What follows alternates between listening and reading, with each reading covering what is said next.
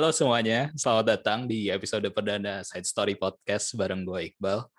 Senang banget sebenarnya setelah rencanain cukup lama untuk bikin podcast ini, akhirnya bisa kelaksanain juga. Ya meskipun nanti mungkin hasilnya belum sesempurna podcast-podcast lain.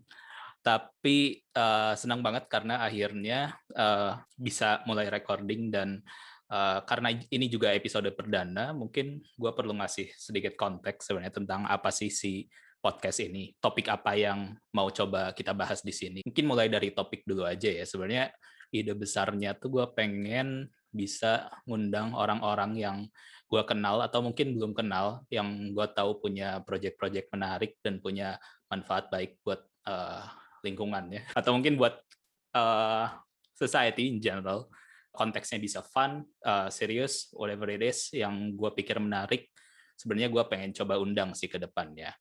Nah, ngomong-ngomong soal project menarik, di episode perdana ini juga gue udah berhasil nih ngundang salah satu orang keren yang sebenarnya udah gue kenal cukup lama. Uh, say hi dong tamunya. Hai. Halo, halo. Hai, halo. Iya. Yeah. Jadi biasa manggil lo Iqbal. Iya BTW. Kalau gue manggil kayak biasa Om aja kan aneh ya. Aneh, aneh, aneh. Jangan, jangan. Usahakan akan pakai Iqbal aja ya. Iqbal aja, benar. Nah, anyway, uh, di sini gue udah sama Faradita Aulia atau sebenarnya yang biasa gue panggil Dodot sih. We go way back. Sebenarnya kita udah teman dari SMA, sempat satu ekskul bareng juga di basket dulu tapi she's grown up now and becomes a creative person as uh, I've been always expecting her to be. Dan gue ngundang Dodot ke sini sebenarnya karena gue tahu dia punya salah satu project sampingan, I may call it so, tapi nanti bisa diklarify yang namanya Explorasa. Nah, tapi hmm. sebelum ngobrol lebih jauh soal si Explorasa itu sendiri, Dot mau kenalan dulu nggak lebih jauh? Oke, boleh boleh. Hmm. Uh, apa ya Lagi sibuk okay. ngapain sekarang? Oke oke. Uh, hai audiensnya, apa Side Story Podcast kan ya? Yoi. Side Story Podcast. Uh, nama gue Farah. Uh, sebenarnya kalau Iqbal manggilnya Dodo, cuman actually sekarang kayak udah rebranding gitu jadi Farah. Yoi. rebranding. Okay. Rebranding. Um, kalau lagi sibuk apa sih sebenarnya tetap lagi sibuk kerja ya. Sekarang hmm. gue hmm. sebagai ad operations buat Southeast hmm. Asia Market di TikTok. Hmm. Uh, tapi memang betul uh, kayak yang dimention sama Iqbal juga kalau sekarang tuh gue punya semacam side project atau hmm. ya side business lah ya. Hmm. Yaitu Explorasa atau kartu Explorasa. Sebenarnya hmm. fokusnya sekarang di kartu Explorasa sih. Si Explorasanya belum aktif hmm. lagi. Oke, okay, got it, got it. Nah, uh, sebenarnya gue juga nggak kaget sih kalau misalkan uh, lo sendiri punya project yang semacam Explorasa lalu berkembang lagi ke si kartu Explorasa ini karena gue tahu juga dari dulu emang lo orangnya kreatif banget. Kayak gue tahu dari zaman lo bikin video stop motion lah, terus ikutan uh, apa ya lomba iklan satu produk minuman zaman SMA dulu dan yeah, kalau nggak yeah, salah yeah. sempat menang juga ya. Yeah, I favorite doang sih kalau nggak salah. Yeah, but that was really good. I mean for uh, apa ya pelajar waktu itu yang usianya mungkin masih kayak 16, 5, 16, 17-an ya sekitar hmm, segitu. Hmm, ya, sekitar. Tapi kayak hmm, tapi kayak wah kayak keren banget sih ini orang. Nah terus uh, di eksplorasi sendiri itu lo kayak memposisikan diri atau calling yourself tuh sebagai CEO, founder? Sebenarnya enggak sih. Gue juga kadang kalau orang tanya kayak gitu, apa ya enggak CEO juga sih. Soalnya kayak ini bukan belum menjadi bisnis uh, resmi banget yang kayak ada PT-nya atau apa ya. Jadi kayak lebih hmm. ke owner kayaknya owner aja deh. Owner ya. Oke. Okay. Uh-huh. Dodot owner Explorasa. Oke. Okay. nah, Dot. nah mungkin sekarang mulai masuk ke pembahasan tentang si eksplorasi itu sendiri ya.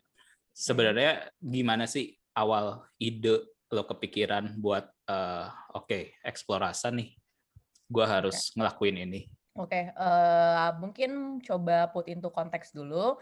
Hmm. Jadi kalau Explorasa itu uh, aku punya Instagram namanya Explorasa awalnya kan sebenarnya buat bentuknya illustration aja kan. Itu aku hmm. kerja sama sama uh, Adam uh, sebagai ilustratornya. Uh, baru sekarang kayak kayaknya setahun terakhir ini baru dibikin kartu Explorasa si card game yang isinya kayak pertanyaan-pertanyaan buat uh, conversational starter kan. Hmm. Jadi mungkin aku start dari si Explorasanya dulu. Si Explorasa ini sebenarnya startnya waktu itu karena uh, aku punya temen nih dia tuh kerja bukan kerja juga sih dia punya semacam bisnis di bidang intellectual property jadi dia kayak punya apa ya dia bikin ilustrasi ilustrasi ilustrasi gitu kan tapi lama-lama tuh ilustrasinya jadi turun ke merch turun ke movie turun ke buku macam-macam gitu kan. Dan uh, waktu itu aku ngobrol-ngobrol sama dia dan eh seru juga ya bikin sesuatu yang kayak gitu gitu loh. Kayak hmm. punya something yang sebenarnya uh, apa ya perso persona lah ya istilahnya persona di Instagram uh, bentuknya ilustrasi terus kayak yang uh, bisa orang-orang tuh relate sama si persona ini sampai kayak lama-lama turunannya bisa jadi banyak gitu bisa jadi bentuk merch bisa jadi film bahkan dan waktu itu sih sebenarnya visinya visinya pengen ke sana hmm. ya waktu itu ngajak hmm. akhirnya ngajakin Adam yang by the way teman kita juga uh, ilustrator ya buat si Estorasa ini karena tadinya pengen ke arah situ.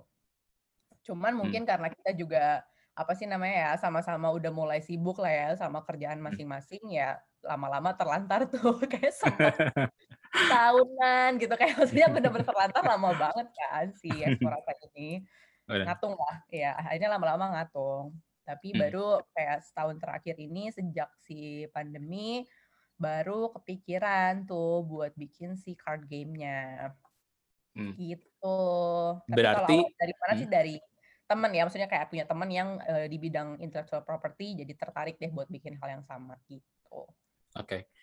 berarti apakah bisa gue bilang kalau si project kartu eksplorasinya sendiri itu ya itu tuh sebenarnya dari triggernya dari pandemi juga kan dari pandemi sumpah iya benar-benar yeah. Iya. gara-gara pandemi hmm.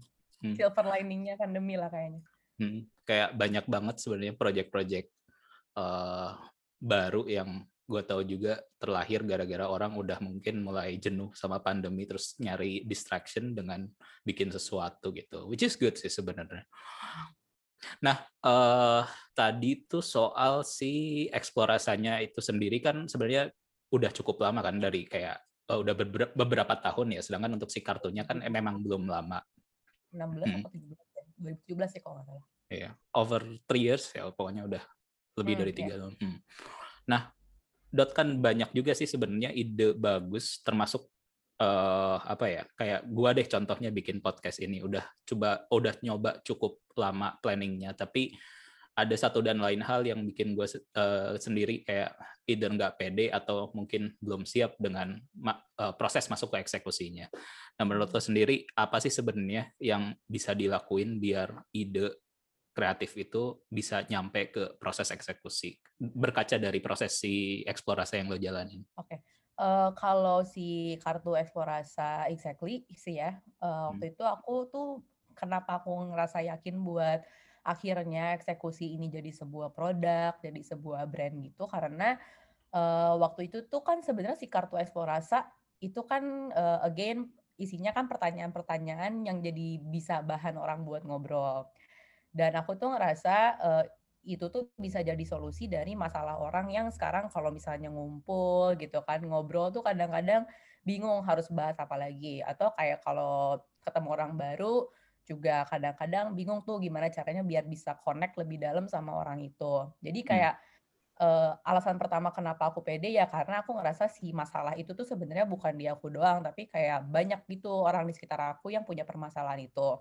Hmm. Yang pertama dari situ aku ngerasa kayak oh masalahnya ada nih dan bisalah diselesaikan sama uh, si kartu ini.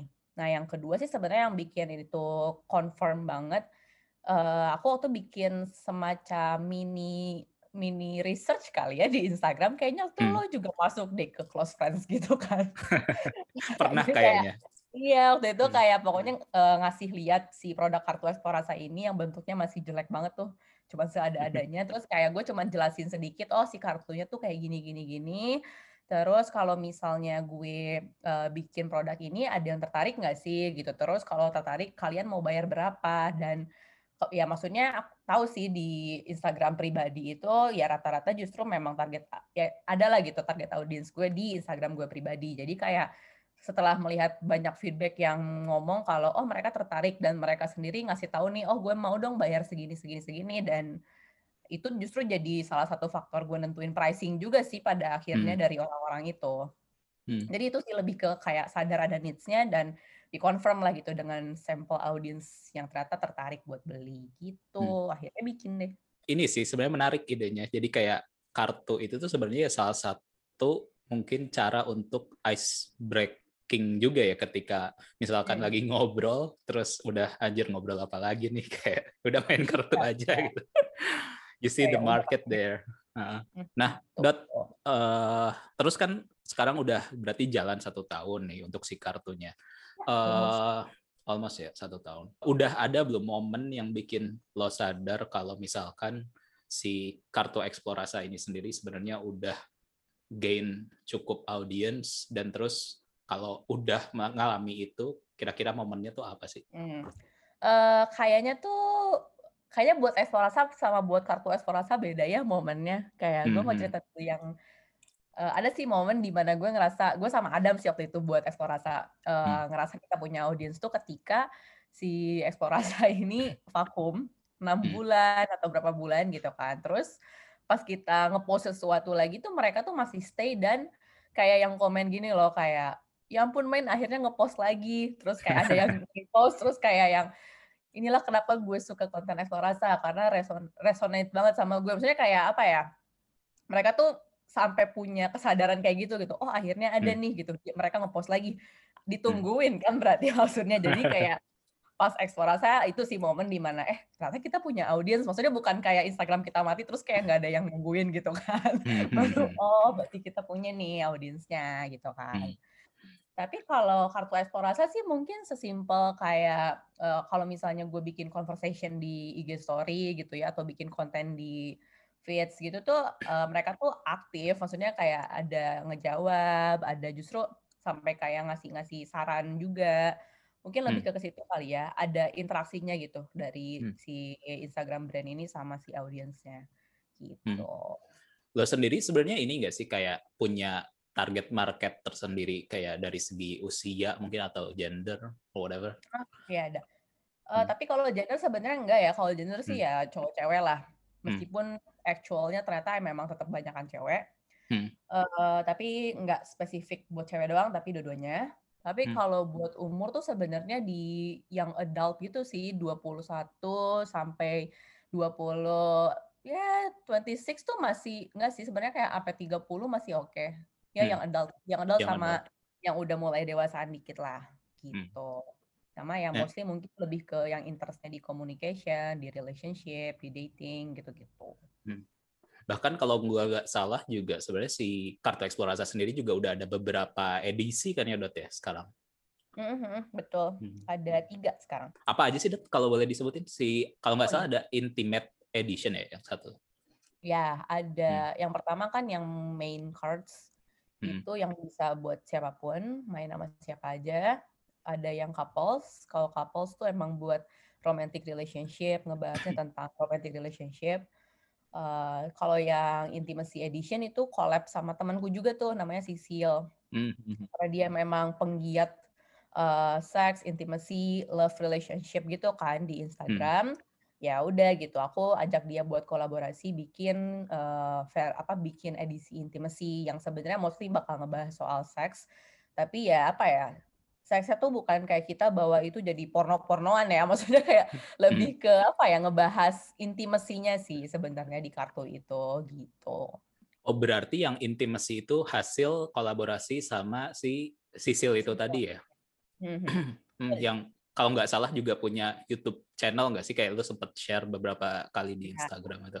Hmm. Ya, Sisil emang lebih gede di YouTube sih kayaknya kalau nggak salah. Iya, menarik menarik. Nah Dot, uh, ngomongin lagi soal kartu dan si Instagramnya Explorasa itu sendiri kan berarti kalau gua tangkap itu tuh kayak somehow dua hal yang berbeda.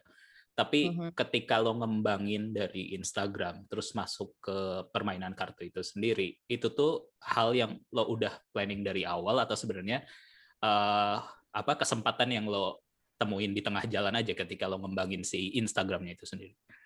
Hmm, sebenarnya enggak sih, sebenarnya enggak di plan dari awal ya, kayak sama sekali nggak kepikiran bakal jadi card game gini. Waktu pertama bikin Esplorasa justru mungkin uh, terdekat gitu ya, yang terdekat kebayang sama mau aku ataupun Adam tuh kayak paling oh paling jadinya merch atau kayak jadinya buku lah ya paling dekat. Cuman kayak ternyata Eh, nggak uh, tahu somehow ujung ujung-ujungnya jadinya kartu Esplorasa gitu itu benar-benar nggak di plan dari awal di 2017 itu banget sih benar-benar hmm. baru sekarang tapi kenapa dot akhirnya milih untuk bikin si kartu permainan kartu instead of other things gitu Hmm, sebenarnya tuh uh, ini lucu sih tapi awalnya maksudnya kayak uh, awalnya tuh bener-bener uh, masalahnya dari diri sendiri ya kayak pas ketemu orang baru uh, ngerasa kayak susah banget sih gitu connect sama orang baru, ngobrolnya gitu-gitu lagi gitu dan kalaupun sebenarnya bukan bukannya aku nggak bisa ya bring up bring up, bring up conversation kayak gitu. Cuman ketika hmm. sama orang baru kadang bingung ya apakah orang ini tuh tipe orang yang nyaman gak sih gitu buat ngomongin hal-hal kayak gini gitu. Apakah Benar. mereka open gitu ya kalau kita tiba-tiba ngajak ngomong yang ada di kartu-kartu itu gitu. Hmm. Jadi kayak uh, waktu itu aku tuh buka sering buka YouTube kan, terus hmm. kayak nonton kontennya Watchcat, Jubile, kalau lo familiar juga. Hmm. Mereka tuh punya kayak uh, conversation with strangers atau kayak punya truth or ring gitulah pokoknya dan gue ngerasa kayak eh seru banget nih gitu. Kalau yang si Watchcat tuh punya juga tuh kartu-kartuannya buat main si truth or ring tapi ternyata oh di Indonesia nggak ada nih kayak ginian gitu kan terus ya somehow dari situ ngerasa oh kenapa nggak bikin sendiri aja maksudnya kayak kayaknya masalah ini bukan punya gue doang deh gitu dan sebenarnya dari situ sih adapting hmm. dari apa yang dilakukan sama Jubilee sama Watchcut gitu. Dan lo sendiri nggak nggak apa ya nggak ragu untuk bilang there's nothing new under the sun kalau misalkan emang itu hmm. adaptasi juga dari yes. Oh, hmm, gitu oh cool. Nah, Dot, dalam satu seri kartu itu itu tuh ada berapa kartu sih sebenarnya? Hmm, beda sih sebenarnya. Buat hmm. kartu yang pertama itu ada 96 kartu. Hmm. Buat yang lainnya yang couple sama intimacy itu ada 48 kartu. Jadi hmm. kayak memang sengaja seolah-olah dibikin expansion pack gitu kan biar hmm. dia nggak apa ya biar dia nggak overpowered si kartu yang utamanya gitu. Kayak The Sims. ya betul. Jadi expansion pack aja gitu. DLC DLC. Nah. Terus terus tadi berapa yang sorry yang isi intimate? Uh, yang couple sama intimacy sama-sama 48. 48. Oh berarti lebih banyak yang si general eh apa sih nyebutnya yang main yang main ini ya ini tuh sebenarnya yang ngasih nama main cards itu kayaknya audience gue deh. Jadi uh, itu kan sebenarnya kalau di kartunya eksplorasi the game gitu kan. Karena gue sama sekali awalnya nggak berencana bikin berbagai edisi gitu. Tapi ah. kayak sekarang tuh uh, biasanya kalau ada followers atau audience yang nanya kakak yang main cards masih ada nggak? Kakak main cards. Mereka yang nyebut itu main cards dan akhirnya gue jadi ke bawah-bawah kayak ya udah deh itu main cards gitu kan. Ada yang bilang original juga cuman kayak makanan banget gitu kesannya kalau original. Berarti dari se semua apa uh, yang perlu diurus dalam eksplorasa dan kartu eksplorasa itu sendiri tuh lo yang ngerjain semua kah? Di luar dari si ilustrasinya tadi? Karena kan bareng Adam juga ya? Hmm, ya kalau eksplorasa itu sama Adam. Kalau kartu eksplorasa uh, apa ya technically iya gue sendiri tapi kayak gini deh misalnya buat konten sosial media gue hire agency hmm. buat konten YouTube gue hire production house gitu sih tapi kayak hmm. kalau tim yang inti banget sih belum ya jadi lebih ke hiring hiring apa ya apa sih istilahnya third party outsourcing hmm. gitu deh. Hmm.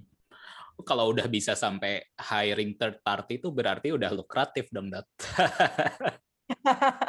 Alhamdulillah. Alhamdulillah.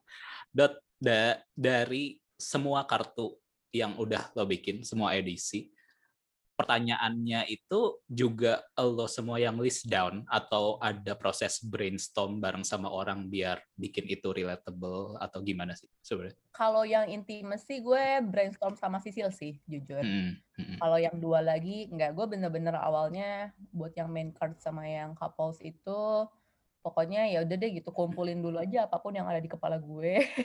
Terus kayak habis itu sebenarnya ada proses ini sih proses testing dulu. Testingnya biasanya di temen, temen deket gue kayak waktu couples edition tuh gue list down soal pertanyaan gue kasih ke temen gue yang punya pacar karena gue nggak punya. Ada ada ininya ada bridging dari situ bridging. PSA PSA oh ya PSA sorry ngelip terus terus, terus. gue. Ya habis itu mereka mainin baru gue minta feedback eh gimana lo mainin ini sama, sama cowok lo? Gitu kayak ada yang too much atau kayak terlalu gampang atau gimana? Gitu. Jadi jadi kayak dari feedback feedback mereka barulah kayak gue apain lagi. Misalnya kalau mereka bilang aduh ini terlalu berat nih gitu coba dong tambahin yang lebih ringan pertanyaannya gitu. Baru gue oh oke okay, gue. Jadi lebih ke gitu sih prosesnya. Hmm. That's a lot of work to do ya. Berarti kayak kan 94 ditambah 40 sekian, 40 sekian tuh udah berapa ratus pertanyaan gitu. Takes hmm. time kah? Pasti ya. Cuman kayak berapa lama sih, Dot? Uh, tapi kan sebenarnya nggak dalam satu waktu ya. Maksudnya kayak hmm. launchingnya tuh beda-beda gitu. Beda. Hmm. Hmm. Ya, selang sebulan lah kayaknya waktu itu. Prosesnya sendiri kayak lo nge-finalize uh, ini nih pertanyaan yang udah paling kayaknya bisa nge-catch lebih gede audiensnya gitu. Itu kayak berapa lama sih mulai dari coret-coret sampai ke delivery-nya? Kalau yang main cards kayaknya lebih cepet deh. Paling kayaknya hmm. mingguan doang. Hmm. Tapi waktu couple sama intimacy itu kayak sampai sebulan ada sih. Apalagi yang intimacy ya, karena intimacy kan ada terlibat sisil juga. Jadi kayak ya lebih banyak uh, kepala yang involve aja kan di situ buat nah. brainstorm nah. pertanyaannya. Sekarang gue pengen nanya soal pertanyaannya lagi sih sebenarnya.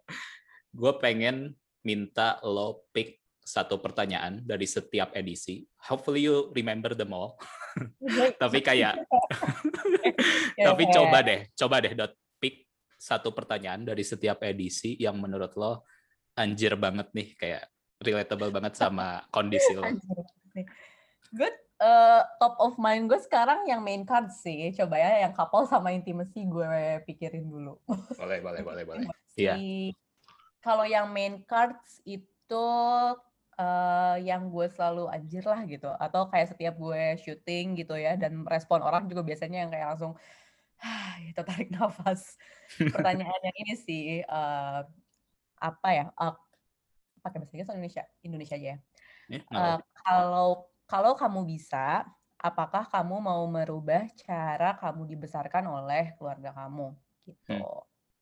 biasanya tuh uh, buat gue pribadi ya secara personal sih sebenarnya itu hits too close to home ya kalau udah ngomongin family itu pasti kayak hmm.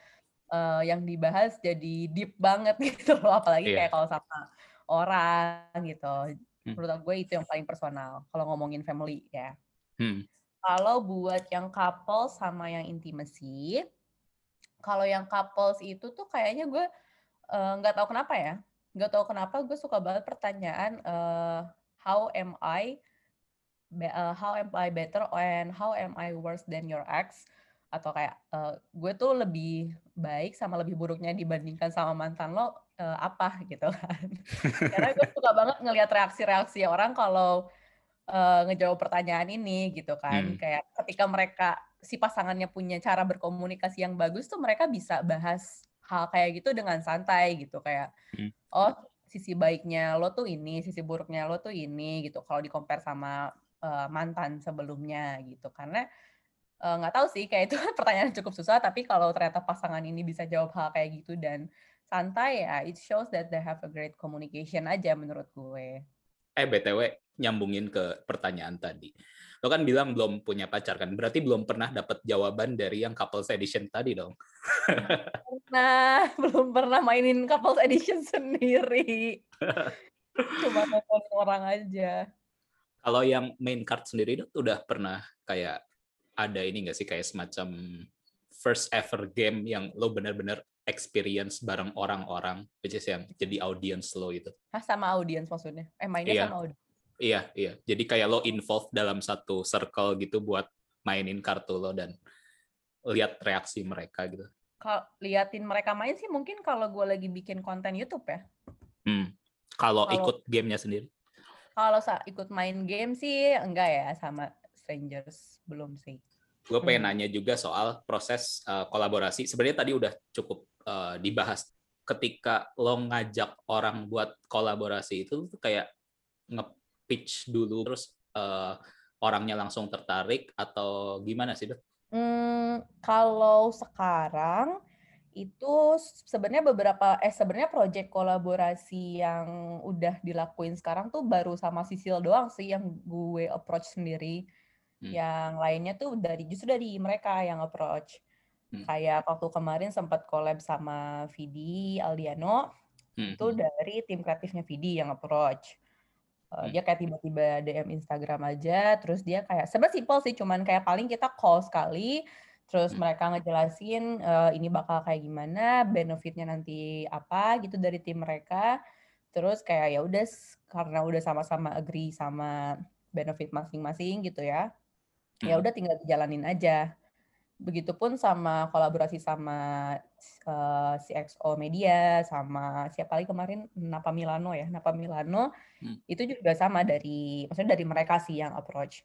Cuman kayak kalau kayak sama Sisil gitu ya, itu sih uh, ya sebenarnya sama-sama ya sih prosesnya ya. Gue uh, karena teman sendiri juga sih si Sisil, paling cuman kayak ngontak dia, gue kasih tahu bentuk kolaborasinya kayak gimana.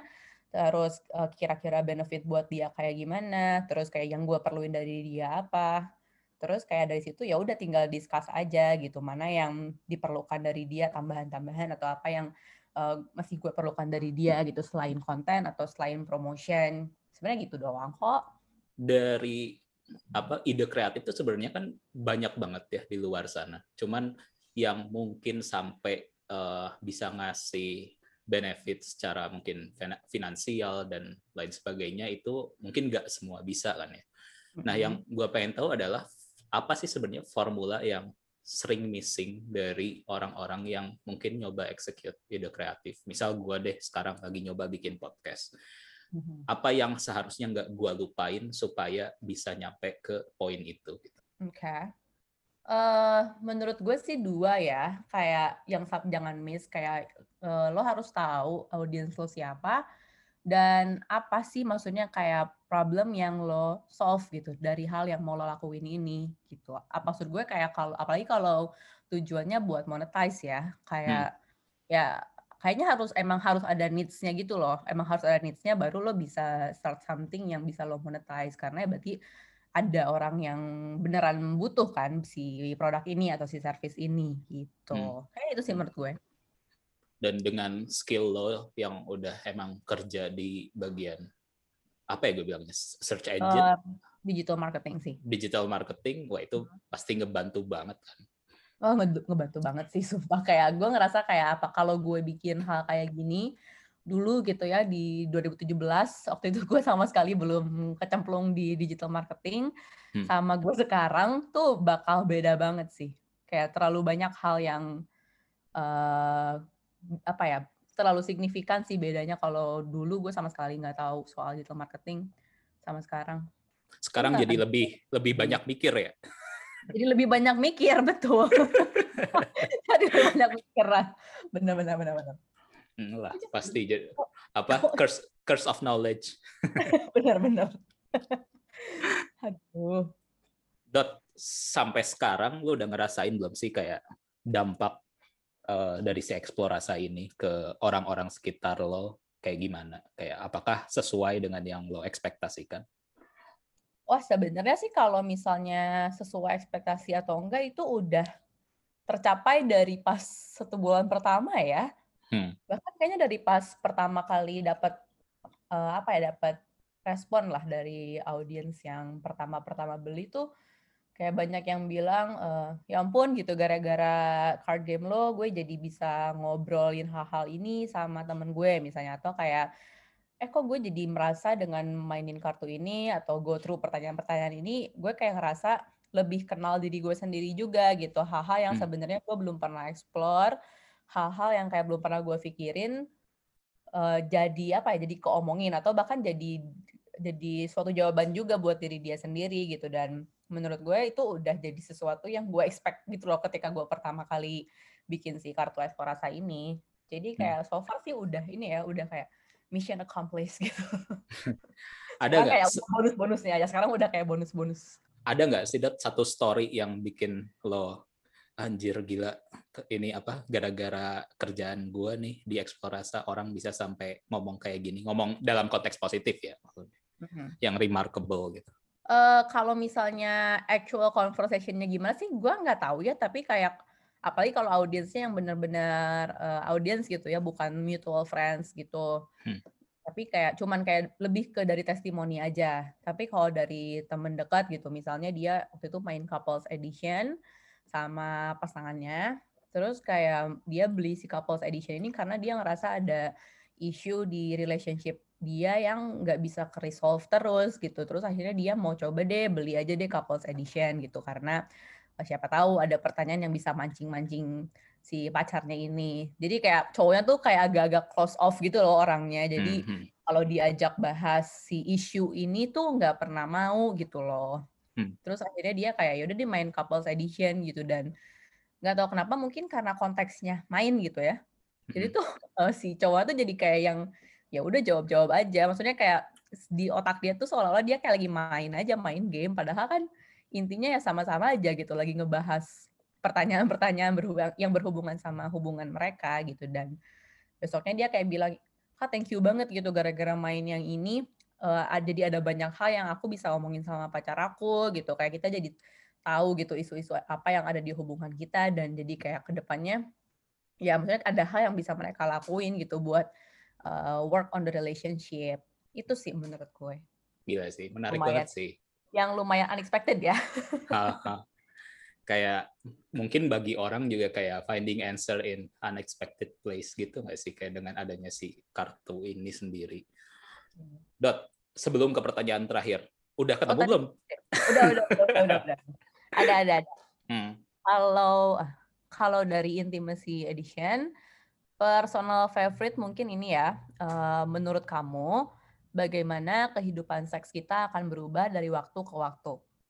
Hmm. Itu personal favorite karena eh, nggak uh, tahu ya menurut gue sama Sisil juga waktu itu orang tuh kayaknya dalam sebuah hubungan tuh nggak mungkin gak sih kayak lo akan selalu merasa ada sparks di hubungan itu apalagi kayak mungkin sexually gitu hmm. ya mungkin ada waktu-waktu di mana kalau hubungannya udah bertahun-tahun lama-lama lo bosen gitu kan sama pasangan lo udah nggak excited lagi jadi kayak pertanyaan ini tuh kayaknya bagus uh, supaya mereka bisa acknowledge gitu kalau kemungkinan kayak gitu ada tapi juga mereka bisa tahu gitu loh kalau misalnya uh, pas lagi bosen kayak gitu tuh harus ngapain ya gitu loh supaya si hubungannya juga nggak jadi apa ya nggak jadi memburuk gitu cuman hmm. gara-gara si bosen tadi sama pasangan itu sih hmm. personal Oke. Okay. Uh, jadi penasaran gue pengen baca semua pertanyaannya. Nih gue pengen nanya juga apa soal apa yang bakal ada uh, ke depannya dari si eksplorasa itu sendiri dan sekalian mungkin lo bisa promo juga sih dot kalau misalkan untuk follow Instagramnya okay. di mana, beli di mana. Silakan. Oke. Okay.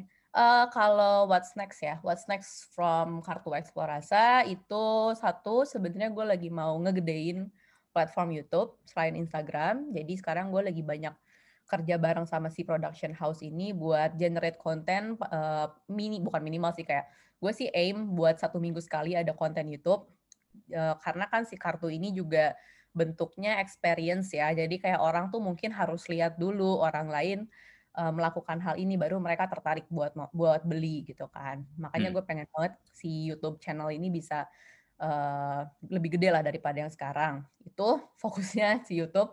Hmm. Terus uh, next sebenarnya kita bakal ada family edition. Ini waktu oh. itu lumayan banyak di request juga. Akhirnya gue bikin uh, karena maksudnya itu mungkin salah satu relationship yang cukup sulit ya, apalagi kalau buat Asian parents dan susah gitu kan buat ngobrol gitu sama bokap sama nyokap gitu kan. Calling all the tigers. Ya betul sekali. Meskipun awalnya gue agak ragu ya gitu kan, justru karena relationshipnya kayak gitu, emang lu masih mau pada ngobrol ya, maksudnya pakai kartu ini. Tapi ternyata ya lumayan dari hasil voting gitu ya, lumayan banyak gitu yang pada mau. Ya udah akhirnya gue keluarin deh gitu itu mungkin aimnya di April lah ya, akhir April lah mungkin bakal gue launch. itu sih. Gitu. Terus kalau follow Instagram di mana? Dan mau ah, beli di mana? Kalau oke okay, kalau misalnya mau menikmati konten-kontennya dulu itu di Instagram atau di YouTube sama itu kartu Eksplorasa. Eksplorasanya pakai KS ya by the way, bukan pakai X. Bukan oh, yang kamu. itu, bukan yang iklan rokok itu, Dot. Bukan. itu common mistake banget sampai capek.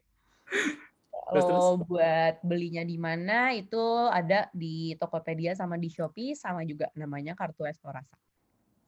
Oke, okay, noted. Tuh guys, kalau misalkan mau lihat-lihat dulu kira-kira nuansa kontennya kayak apa barangkali cocok sama kalian uh, langsung ke Instagram aja cari kartu eksplorasa dan eksplorasa ya tadi kalau nggak salah terus mm -hmm. juga udah ada di marketplace nanti uh, si Dodot sendiri sebenarnya yang ngelayanin kalian ya pakai bubble wrap segala macam juga boleh Iya, keren banget. Dot, thank you banget udah mau sharing soal uh, Explorasa dan uh, project kartu Explorasa juga. Uh, gue doain semoga makin berkembang dan sukses juga buat si uh, seri family-nya itu tadi. Semoga audiensnya makin gede dan makin terkenal. Amen. Thank you. Thank you Yeah. So guys, uh, I think that's the end of this episode. Uh, we'll see you on the next episode. Thank you. Bye bye.